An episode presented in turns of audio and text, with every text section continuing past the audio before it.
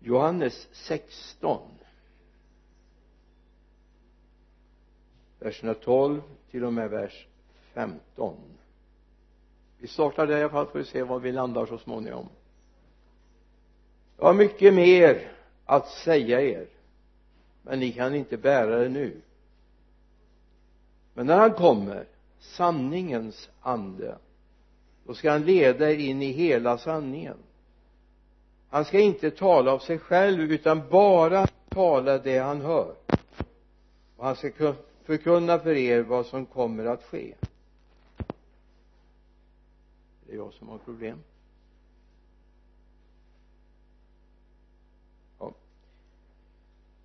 Vers 14 han ska förhärliga mig och jag ska ta av det som är mitt han ska ta det som är mitt och förkunna för er.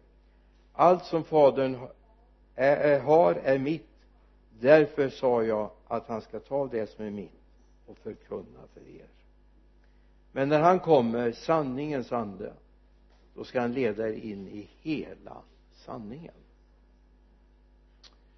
En liten bild först. Tänk dig en mörk höstkväll. Du kommer hem eller in i ett hus.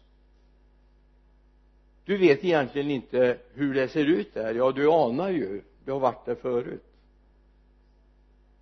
Men du kan ju faktiskt mötas av någonting hemskt när du slår på lyset. Eller någon har varit där och städat så det ser ovanligt fräscht ut. Skillnaden det är ljuset.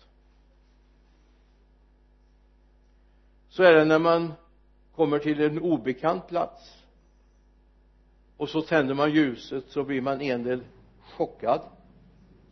Det såg hemskt ut. Eller vad välordnat det var. Vi vet inte så mycket förrän vi har tänt ljuset. Så är det också i det andliga området.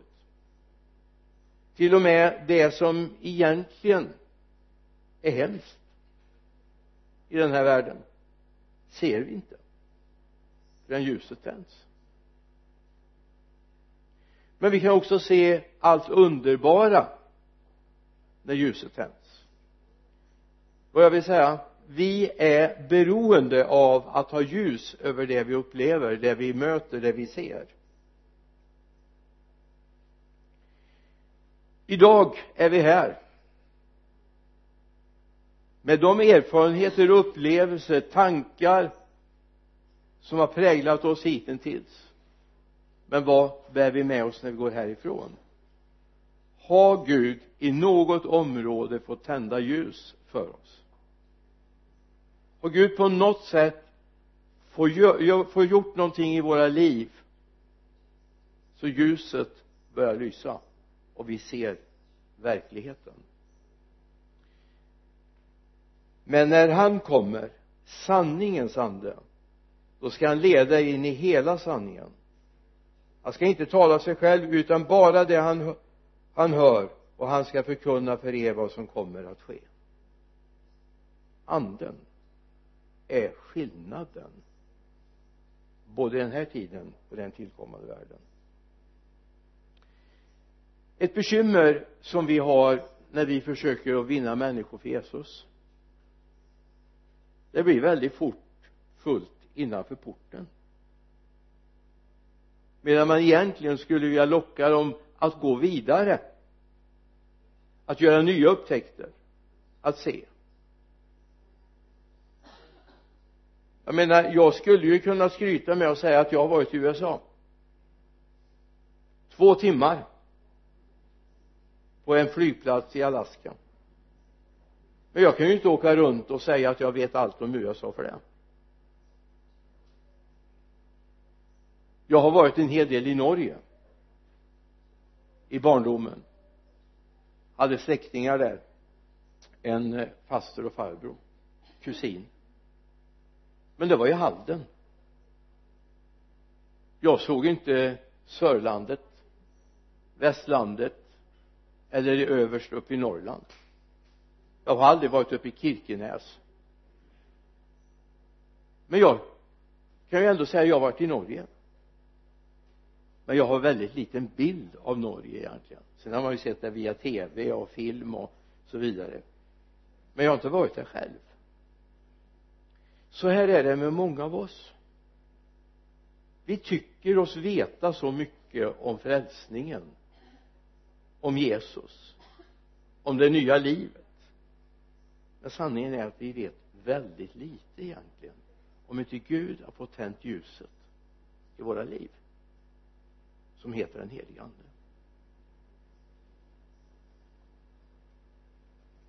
Jag tänkte jag skulle plocka med ett bibelord. Vi gå till första Petrusbrevet. Här påstår Petrus någonting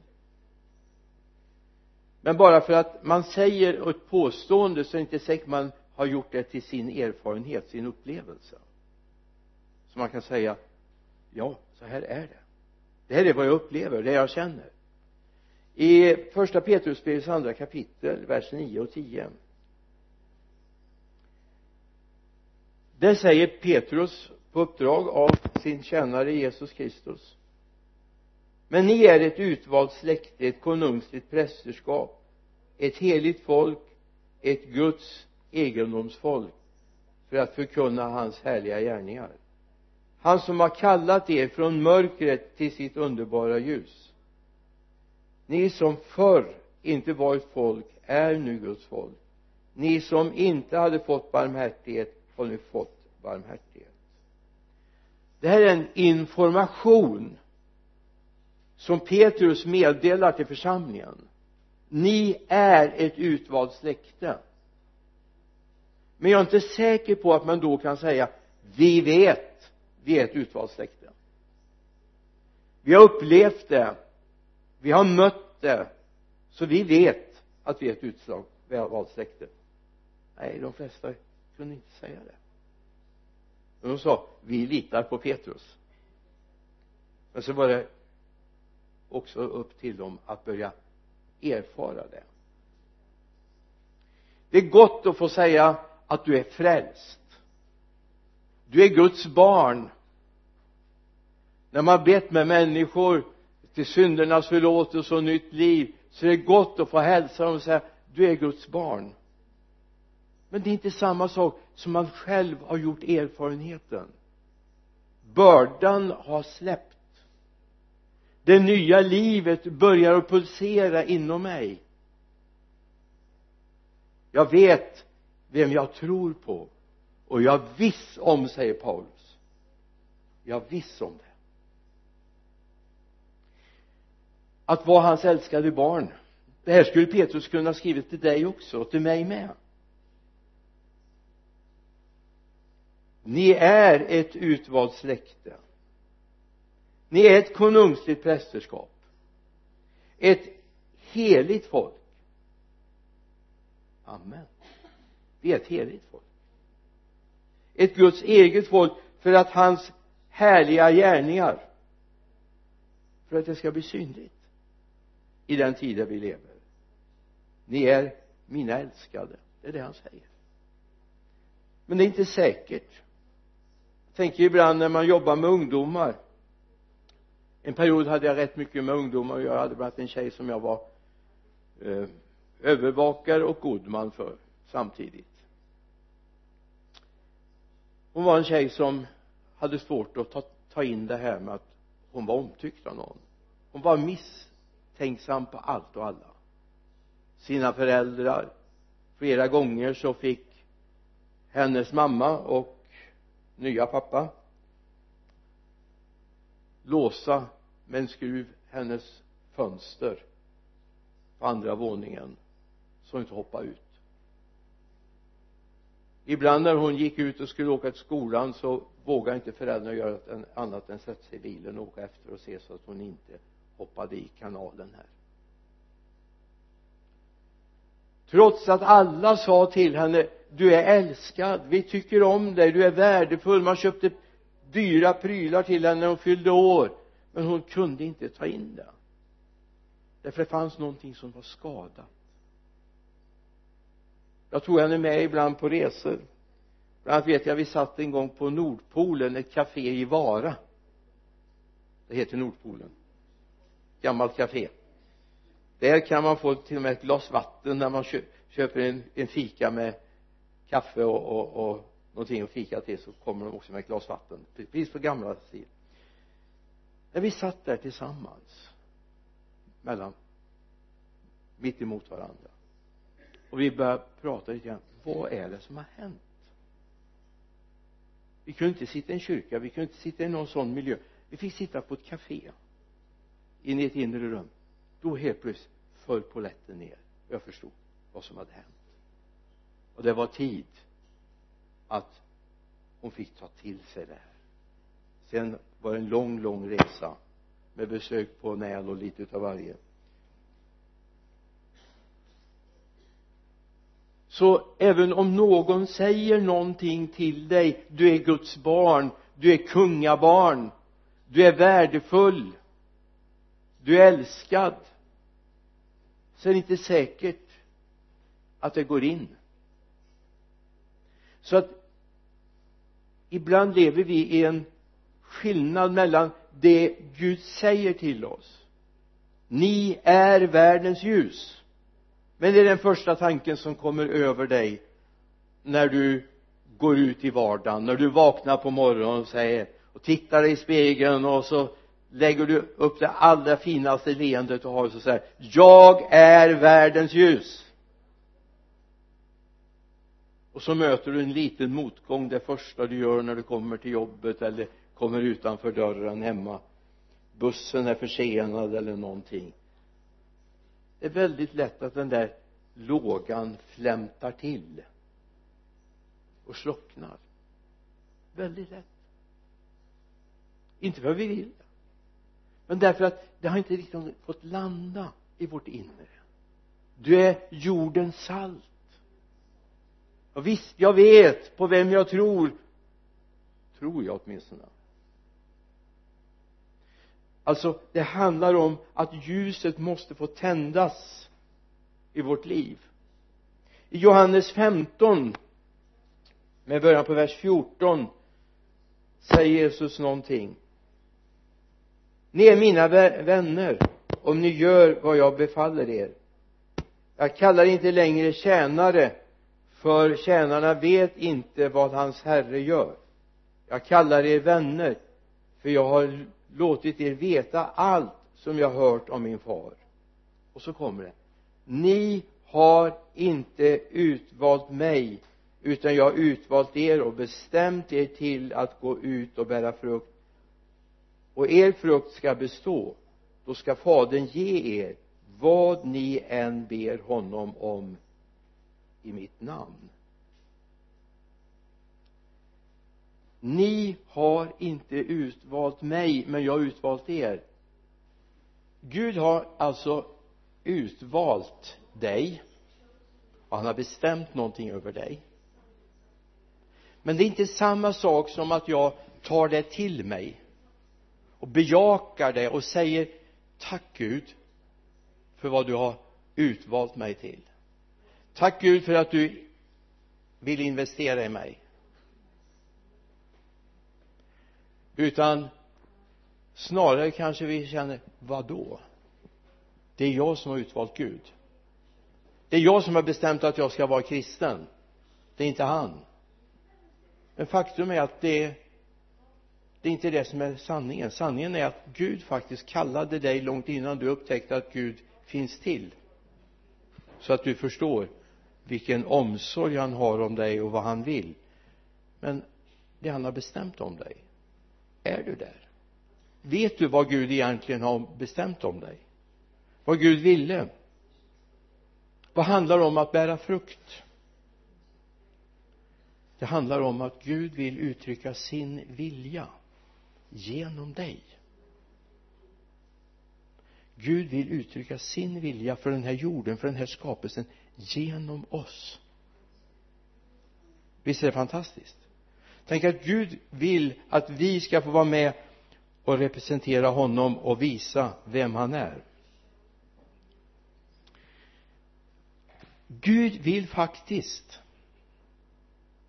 Men då behöver Gud få tända ljuset över våra liv så vi börjar förstå vad Gud egentligen vill. Han vill att vi ska vara en maktfaktor. Alltså ärligt talat när vi lever i den här världen så kommer vi gång på gång att kollidera med värderingarna i den här världen. Och det handlar om att vi vågar gå på en egen kurs. Att vi vågar vara obekväma. Alltså ju mer du fluktar in hur dina kompisar ute i världen lever och försöker efterlikna det ju längre bort ifrån ljuset i evangeliet kommer du och ju längre tid det kommer att gå så kommer värderingarna i världen och de värderingar som finns hos Kristus att skilja sig åt mer och mer.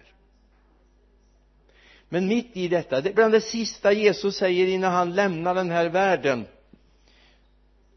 det har vi i apostlagärningarna 1 och 8 men den heliga ande kommer över er. Ska ni få kraft att bli mina vittnen i Jerusalem, hela Judeen och Samarien ända till jordens yttersta gräns. Men när, här är alltså en hemlighet men när den heliga ande flyttar in i er tar över herraväldet i era liv och ni säger det är inte jag som bestämmer längre. Det är inte jag som bestämmer. Det är ingen annan människa heller utan Gud han är kungen över mitt liv. När den helige ande får komma över och ta över herraväldet i mitt liv men kom ihåg så länge jag bestämmer så kommer inte den helige ande att börja regera. Och den helige ande kommer leda oss att göra saker som köttet inte vill. Ni kommer ständigt att komma i konflikt därför behöver vi våga överlåta oss till den helige ande. Vi måste våga det. Alltså det här med den helige ande är inte bara ett begrepp det är en verklighet. Det är en verklighet. Och det är viktigt att vi inser det och överlåter oss för det är där kraften finns när den helige ande kommer över då ska ni bli mina vittnen. Och det ord som används i den grekiska texten här ja det är nästan du svajar till om jag säger va? Det står faktiskt att du ska kunna bli en Guds martyr. Det är inte så att du får tolv fruar i himlen om du dör för Kristus eller kommer direkt till ett paradis. Utan det handlar om att jag älskar Jesus så mycket att han är värd allt för mig. Han är värd allt för mig. Oavsett vad som händer så är han värd med allt för mig. Han är min högsta legitimitet för mitt liv. Han är min högsta kärlek. Han har älskat mig och jag tror att det är först när den heliga ande får börja råda i våra liv och ta över och tända ljuset över som vi börjar fatta vad det verkligen handlar om att vara kristen. Alltså vi måste sluta att leka kristen. Det är tid nu att börja vara kristna. Alltså vi lever i en västerländsk tid när otroligt många bara leker kristna. Några timmar på söndagen. Kanske någon timma i veckan men det måste börja prägla våra liv. Men det är klart har inte den heliga andes ljus börjat tändas i våra liv så vet vi ju inte vad det handlar om. Så vi behöver få upptäcka vad den heliga ande handlar om egentligen. Att han får tydliggöra det där övernaturliga som finns i Kristus. Du vet om vi tittar på historien både i vårt land och i andra länder men framförallt i bibelns länder. Så både i gamla och nya testamentet så vet vi att människor fick verkligen betala ett högt pris. Det finns allt för många som har en dröm, en tanke att bli kristen. Det är liksom då kasserar jag in allt som finns. Då blir man rik. Då får man massa pengar då får man rikedom ära och så vidare. Så ser inte historien ut inte ens för dem som första i den här församlingen. När de grundade den här församlingen 1867 så var det många av dem som fick betala ett väldigt högt pris. Vi har inte varit i närheten av det. Det fanns de som fick sluta sina jobb för att de ville följa Jesus. Det fanns de som vars barn blev oerhört trakasserade i skolan. Därför att deras föräldrar hade valt att bli baptister. Ja men det är inte så många av oss som har gått igenom det, eller hur? Lite glidningar fick jag väl när jag gick i skolan för att mina föräldrar var baptister. Kanske lite grann därför jag gjorde uppror också en period. Men idag så är det inte många det kan till och med vara lite spännande. För idag jag menar då kan man ju vara precis vad som helst vilken religion som helst. Och det är alltid spännande. Men så har det inte varit. Och så kommer det inte vara. Men vi ska i honom ha kraft. Dynamis. Vi ska ha kraft i den här tiden. Så Gud vill att du ska bli rik i honom du ska bli rik i honom. Du vet i apostlagärningarna 3 jag bara citerar det. Du har det i vers 5 till och med vers 10 i apostlagärningarna 3 du vet det kommer Petrus och Johannes de ska upp på bönen som är i, i, tem, eller är, är i templet. Och utanför sitter dåtidens socialtjänst en lam man som har varit lam sedan barndomen. Och när Petrus säger till honom silver och guld har jag inte vers 6 men så säger han någonting i senare delen av vers 6 men vad jag har det ger jag dig. I Jesu Kristi Nazarens namn res dig och gå handen på hjärtat. Ja men nu ska jag inte säga att du inte ska ge tiggarna vid affärerna pengar. Alltså gå inte på alla de här myterna. Det förekommer i storstäderna det förekommer i vissa orter att det är ligor bakom. Men det här är väldigt sällsynt. Och det vågar jag säga för jag har haft insyn i det här. De som satt utanför affärerna i Lidköping de kom alla från en och samma lilla pingstförsamling i ett samhälle i Bulgarien. Nej Rumänien kom de ifrån. Vilket vi beslutade i församlingarna där att vi ska göra någonting åt det här. Så nu har vi startat ett projekt i deras hemby där de kan försörja sig. Skapat ett arbete fått tag i arbetsledare. Och nu behöver de inte komma till Lidköping. Men det fanns ingen. Det var nöden, det var hungern det var barnens skolgång det handlade om vi har ju Rolf Wernersson som några känner till som eh, har varit nere och hälsat på och sett hur det är, hur det fungerar egentligen. Så när våran statsminister säger att vi ska inte ge till flyktingar då tycker jag han är ute väldigt, väldigt farligt. Väl, eller till tiggare. Därför att det är som skillnad på tiggare och tiggare. Så att du kan gärna ge till, till tiggarna som sitter. Det är upp till dig men du, du får gärna göra det. Jag tycker inte du gör något brottsligt genom det. Absolut inte. Men lyssna.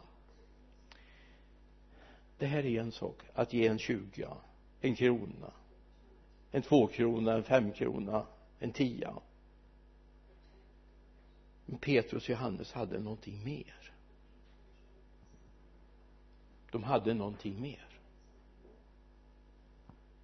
de var rika i Gud. De var rika i Gud.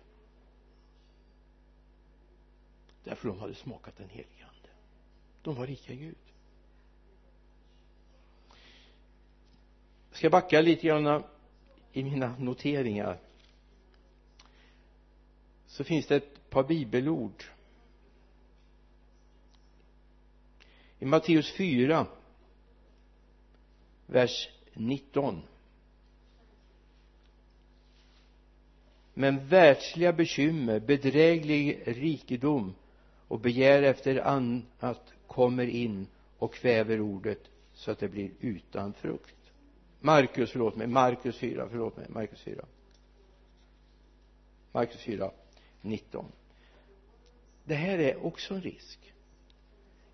Jag ska säga att det är inte alltid gagnat väckelsen i vårt land att människor har fått ekonomiskt bra och eftersom vårt mål inte är att samla stora eller samla stora skatter på våra konton utan vårt mål är ju att vinna människor. Att befolka himlen. Det måste vara vårt allt annat övergripande mål. Allt annat övergripande mål. Att vara med och befolka himlen. Sen får du gärna vara rik. Men det finns alltså en en risk med rikedom och det är viktigt då hur vi hanterar eventuellt de där kronorna vi har. Vågar vi investera dem i Guds rike? I Lukas 16 står det i slutet av vers 13 ni kan inte tjäna både Gud och mammon. Och idag så är det tror jag väldigt få som vet vad mammon står för. Mammon står för tillbedjan av pengarna och rikedomen. När den blir viktig rikedom kan betjäna Guds rike men rikedom kan också ta mig bort ifrån Guds rike. Vad vi har det ger vi. En liten enkel bild. Om en brandbil är på väg ut till en eldsvåda så är det ju egentligen inte väsentligt om stötfångarna på den är gjorda av guld eller plåt. Det är ju inte viktigt att den är fina ornament på den och målad vackert. Det är ju inte det som är grejen. Grejen är ju att det finns eldsläkt eller utrustning som man kan släcka eld. Det är ju det som är viktigt på en brandbil. Och jag tror att vi kan ta med den bilden. Det är inte den där ytliga som är viktigt det viktiga är evangeliet finns där. Jag menar nu talar jag inte för att vi ska sitta kvar i den här kyrkan i all framtid. Det är inte det jag talar om. Utan jag vill ha bättre utrymme. Men det är inte så viktigt att vi har guld och, och glans fram i, i fonden på vår nya kyrka. Utan det viktigaste är att vi alltid har det tydliga evangeliet. Det som kan föra människor till tro. Som i torsdags förmiddagsgudstjänst kommer en kille fram och säger jag vill komma med till himlen. Jag har bara varit 75 procent frälst men det var en kompis som har sagt till honom man kan inte vara 75 procent frälst. Är det man det 100 eller också är man det inte? Tycker jag var väldigt vist av honom att säga. Nu ville han bli 100 procent. Det är väl en bra utgångspunkt, eller hur? Nästa punkt jag kommer till det är känner du dig informerad av vad Gud håller på med? Känner du dig informerad? Eller har han missat postadressen till dig? Har han inte ringt dig? Sagt vad han håller på med? Alltså Gud har en plan. Det är inte en slump att vi är där vi är ibland har Gud fått leda oss genom slump men eh, Gud har en plan och han vill att du ska veta vad han vill med den här bygden, med det här området. Jag hoppas att det är fler som vågar avsätta tid och be. Och lyssna be är inte att du talar om för Gud allt vad du vill det är bara det här som man håller på med i dagisstadiet. Tyvärr har många kristna aldrig kommit ur dagisstadiet. Utan bön är att umgås med Gud och Gud får tala till mig. Och jag lyssnar till vad Gud säger. Och det Gud har att säga är inte så jobbigt och besvärligt som vi vill göra det till. Alltså det Gud har att säga det är någonting gott någonting som är gott inte bara för dig utan det är någonting som är gott för hela det samhälle, det sammanhang där du finns. Gud har någonting gott i beredskap för dig. Så kom ihåg Gud vill göra klart för dig så att du kan bära frukt.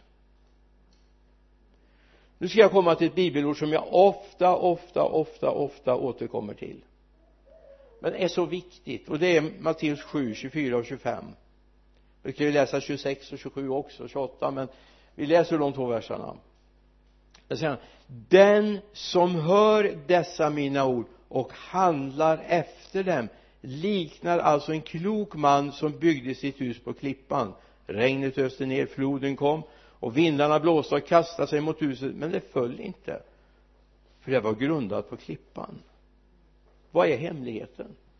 Det är att höra och handla. Att lyssna och göra. Och det är någonting vi borde starta varje dag med. Gud kommer inte.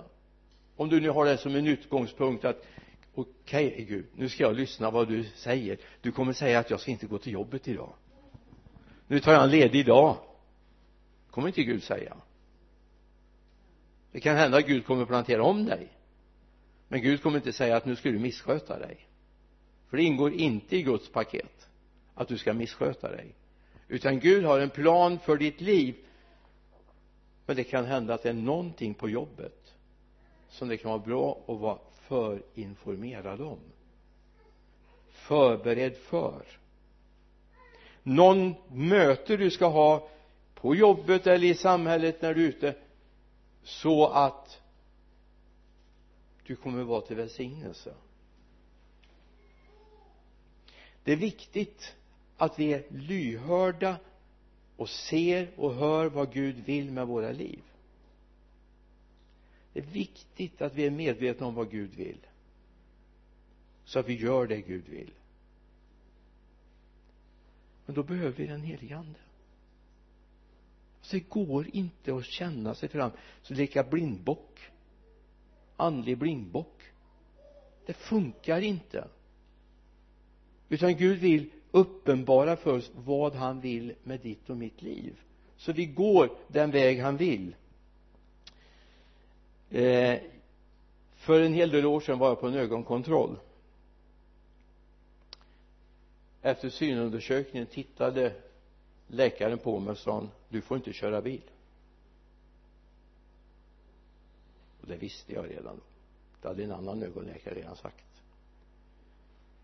För och så säger han så här du vet om tant Olsson är ute och går med sin rutiga kavaj så kommer du inte känna igen. Du kommer inte se att det går någon överhuvudtaget där. Jag tänkte vad har jag med att göra om hon har rutig kavaj eller ej? Men vad han menar du kommer inte se henne överhuvudtaget och det var ju väldigt vist, eller hur?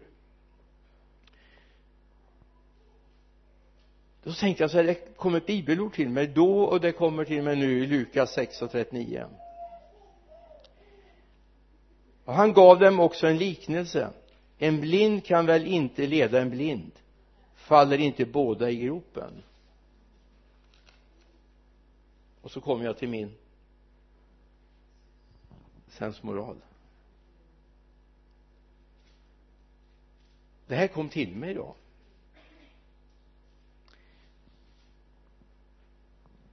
När jag satt igår kväll så kom det här så oerhört starkt till mig. Vad viktigt att vi som försöker leda människor undervisa på jobbet, berätta om Jesus och så vidare att vi inte är blinda utan att vi verkligen ser. Och vi som står i förkunnargärningen vad viktigt att vi ser. Att vi är upplysta av den heliga.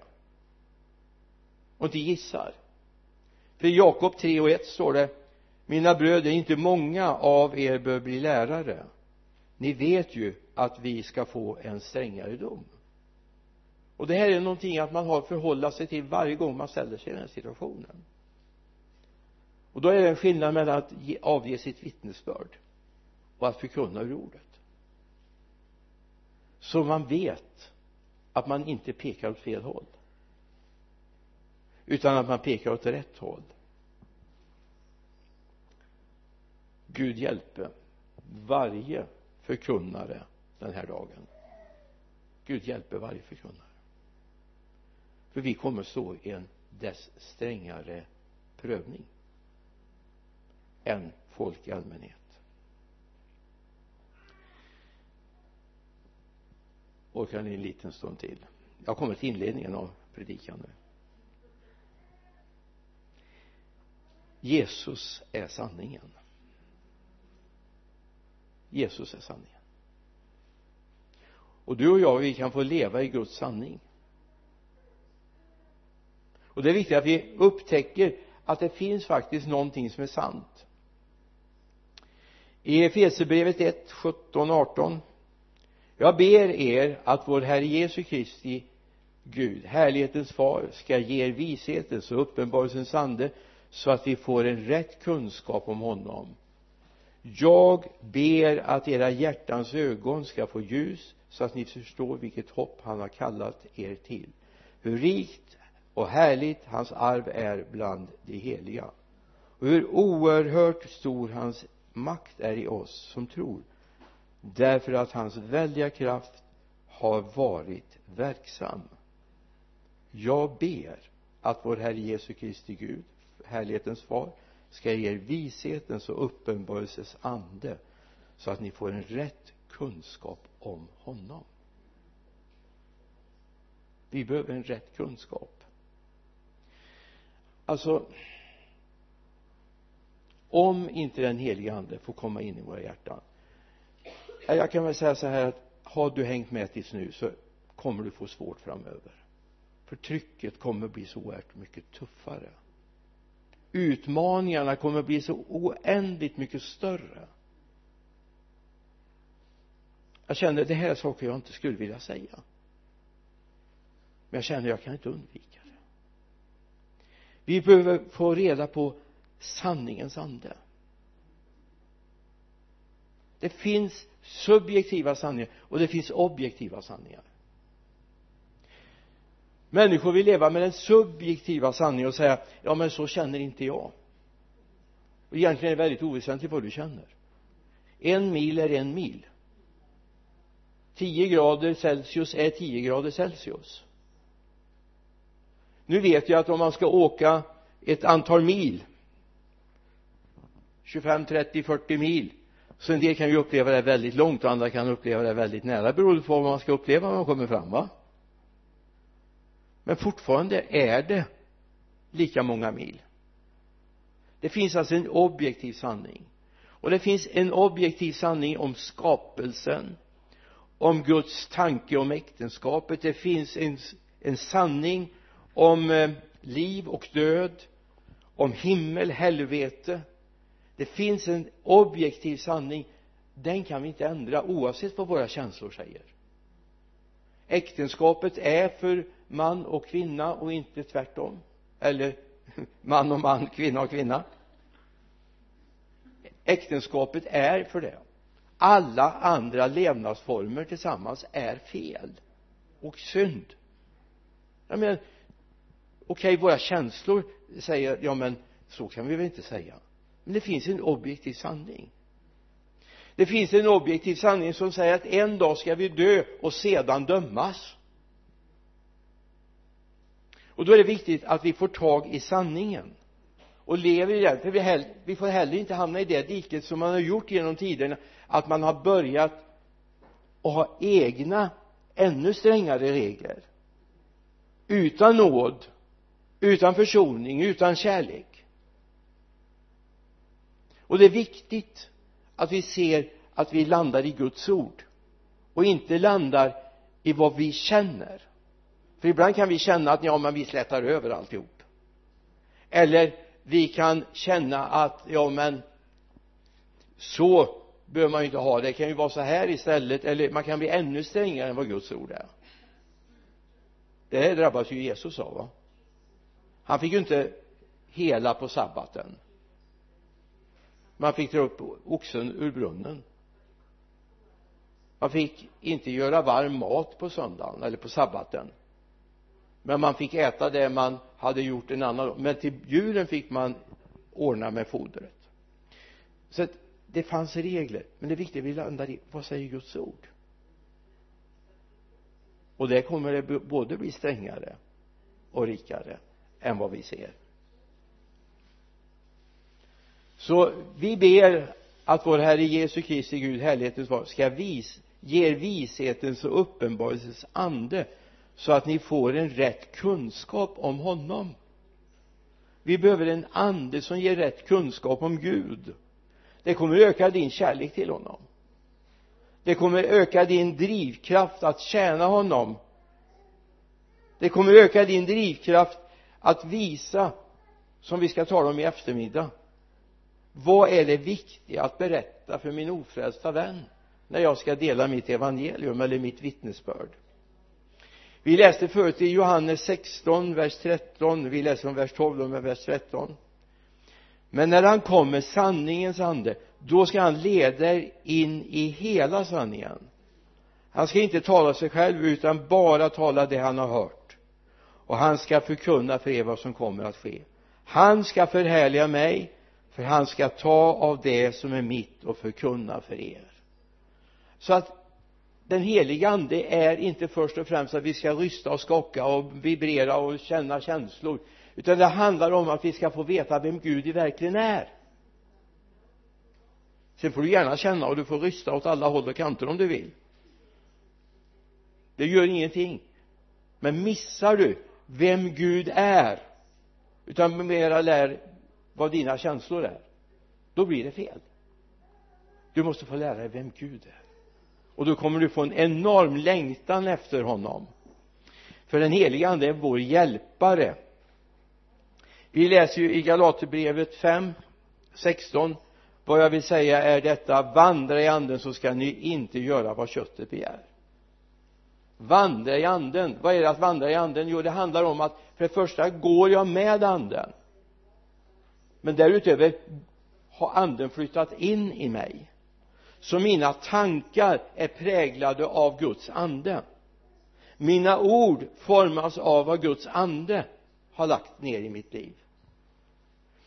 Och hoppar vi över då vers 19 och till vers 21 hoppar över det, det står om köttets gärningar. Och det kan vi ju lämna. För det är vi ju inte intresserade av, eller hur? Det är ju inte det vi strävar efter utan vers 22 andens frukt är däremot kärlek, glädje, frid, tålamod, vänlighet, godhet, trohet, mildhet, självbehärskning. Sådant är lagen inte emot. Den som tillhör Kristus Jesus har korsfäst sitt kött med dess lidelser och begär. Om vi har liv genom anden så låt oss följa anden. Alltså om vi får andens frukt att landa i våra liv om kärlekslösheten får bytas ut mot kärlek mot sorgen får bytas ut mot glädje mot oron får bytas ut mot frid med otålighet får bytas ut mot tålamod med ovänlighet mot vänlighet kortsiktighet mot trohet och så vidare. Det här är ingenting vi lär oss utan det är någonting när den heliga ande får flytta in här och börjar påverka här så kommer det påverka här uppe också. Och det är viktigt vi kommer dit. Att den helige ande får börja verka i vårt inre. När Gud har tänt ljuset då ser du någonting helt nytt. Och jag har bara en dröm, en längtan idag att Gud ska få tända ljuset i era hjärtan. Så ni börjar se vem Gud egentligen är. Så ni verkligen får se vem han är. Alltså Gud är väldigt praktisk. Någon sa till mig häromdagen om det som har hänt i Lidköping. Vi har gått alltså från tre medlemmar till 23 på väldigt kort tid. En del hade dömt ut församlingen och sagt vad förvånande. Det är väl inte förvånande? Det är ju vad den helige ande har talat om hela tiden det är det Gud har talat om genom sin ande hela tiden. Så jag sa till och med till folket ifrån Ekumeniakyrkan som ville ta kyrkan ifrån oss så sa jag att om en kort tid kommer vi vara över 20 medlemmar i församlingen. Då hade vi tre. Ja men Gud har ju sagt det. Så det var ju inte så mycket att bekymra sig över. Gud har ju sagt det. Sen ibland får vi vänta lite grann. Alltså Gud har någonting som han säger? Och det vi ser nu av folk som börjar kliva in och ta ansvar. Du vet om vi lever med den helige ande så kommer Gud att fylla våra tankar, våra sinnen och vår prioritering. Kyrkan kommer att få första prioritet. Självklart. Det, det är liksom bara självklart vi kommer att avsätta all tid vi kan därför att vi genom kyrkan är Kristi kropp på jorden. Att vandra i anden det är precis det som Jesus talar om när han står där i templet i den stora högtiden den sista dagen. Du har det i Johannes 7 37 38 om någon är törstig kom till mig och drick står en bit in i vers 37 vers 38 den som tror på mig som skriften säger ur hans innersta ska strömmar av levande vatten flyta fram. Det här är viktigt att du upptäcker att levande vatten flyter fram. Är det det du vittnar om? Den heliga ande bara flödade genom mig. Jag känner bara en enorm glädje idag. Okej okay, de sa en massa dumheter men jag känner sån glädje idag därför den heliga andes pulsåder finns här inne okej okay, en del tycker att jag är lite knäpp. Ja men det kanske är i människors ögon. Men kom ihåg att i världen, alltså i, i Guds perspektiv så är vi rättvända. När vi blir omvända blir vi rättvända. Vi har en liten eh, enkel film ligger på vår hemsida som talar om att vara rättvänd. Titta på den någon gång. Jag tycker den är väldigt beskrivande. När man blir kristen så vänds man åt rätt håll. Till sist.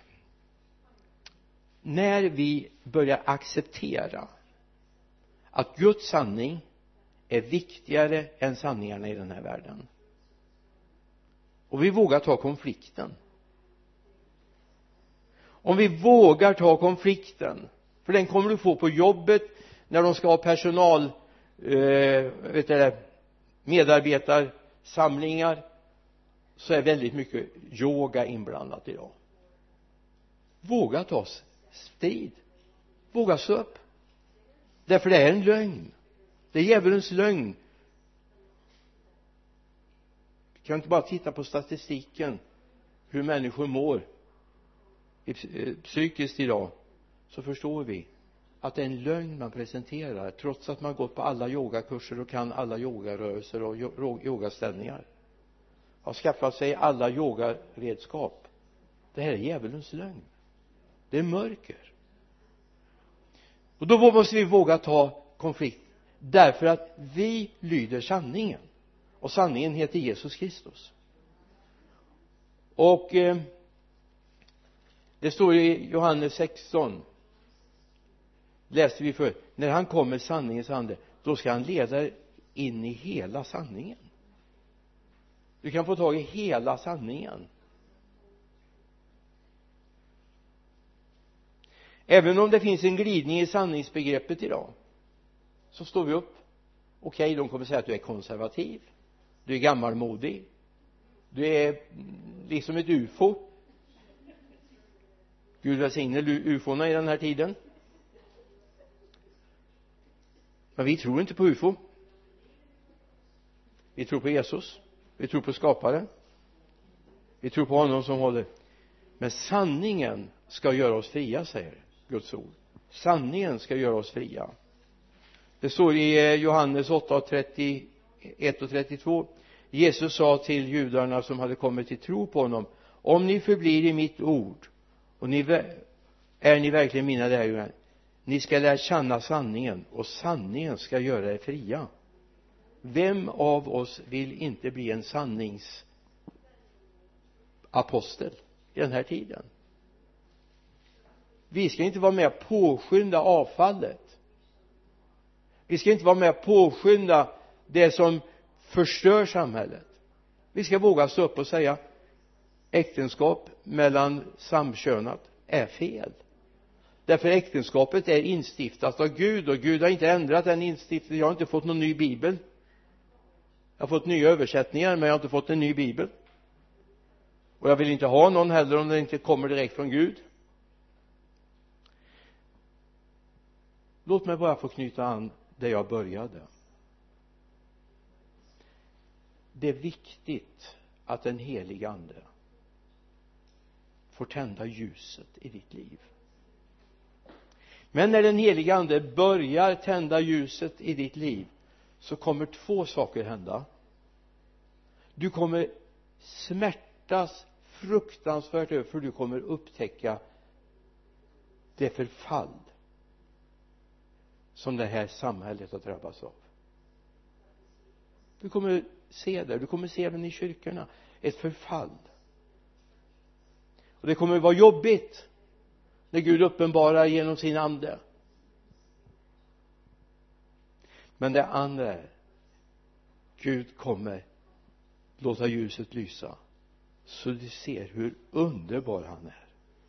Vilken kraft han har så att det kanske blir så att du kan säga istället till den där som är skadad, lam, blind. Silver och guld har jag inte. Jag kan inte tyvärr betala din läkaroperation. Men jag vet någonting. Jag har fått någonting med mig. I Jesu Kristi Nazarens namn bli frisk. Bli fri ifrån det djävulen försöker förstöra för dig. Bli fri ifrån det. Vi ber herre jag tackar dig för att du ska låta det här få landa i våra hjärtan så vi förstår vem du är och vad du vill med våra liv. Jag ber dig Jesus. Ta hand om det här och låt det bli att ljus tänds i våra hjärtan och våra liv. Jag tackar dig för detta i Jesu namn. Amen. Amen.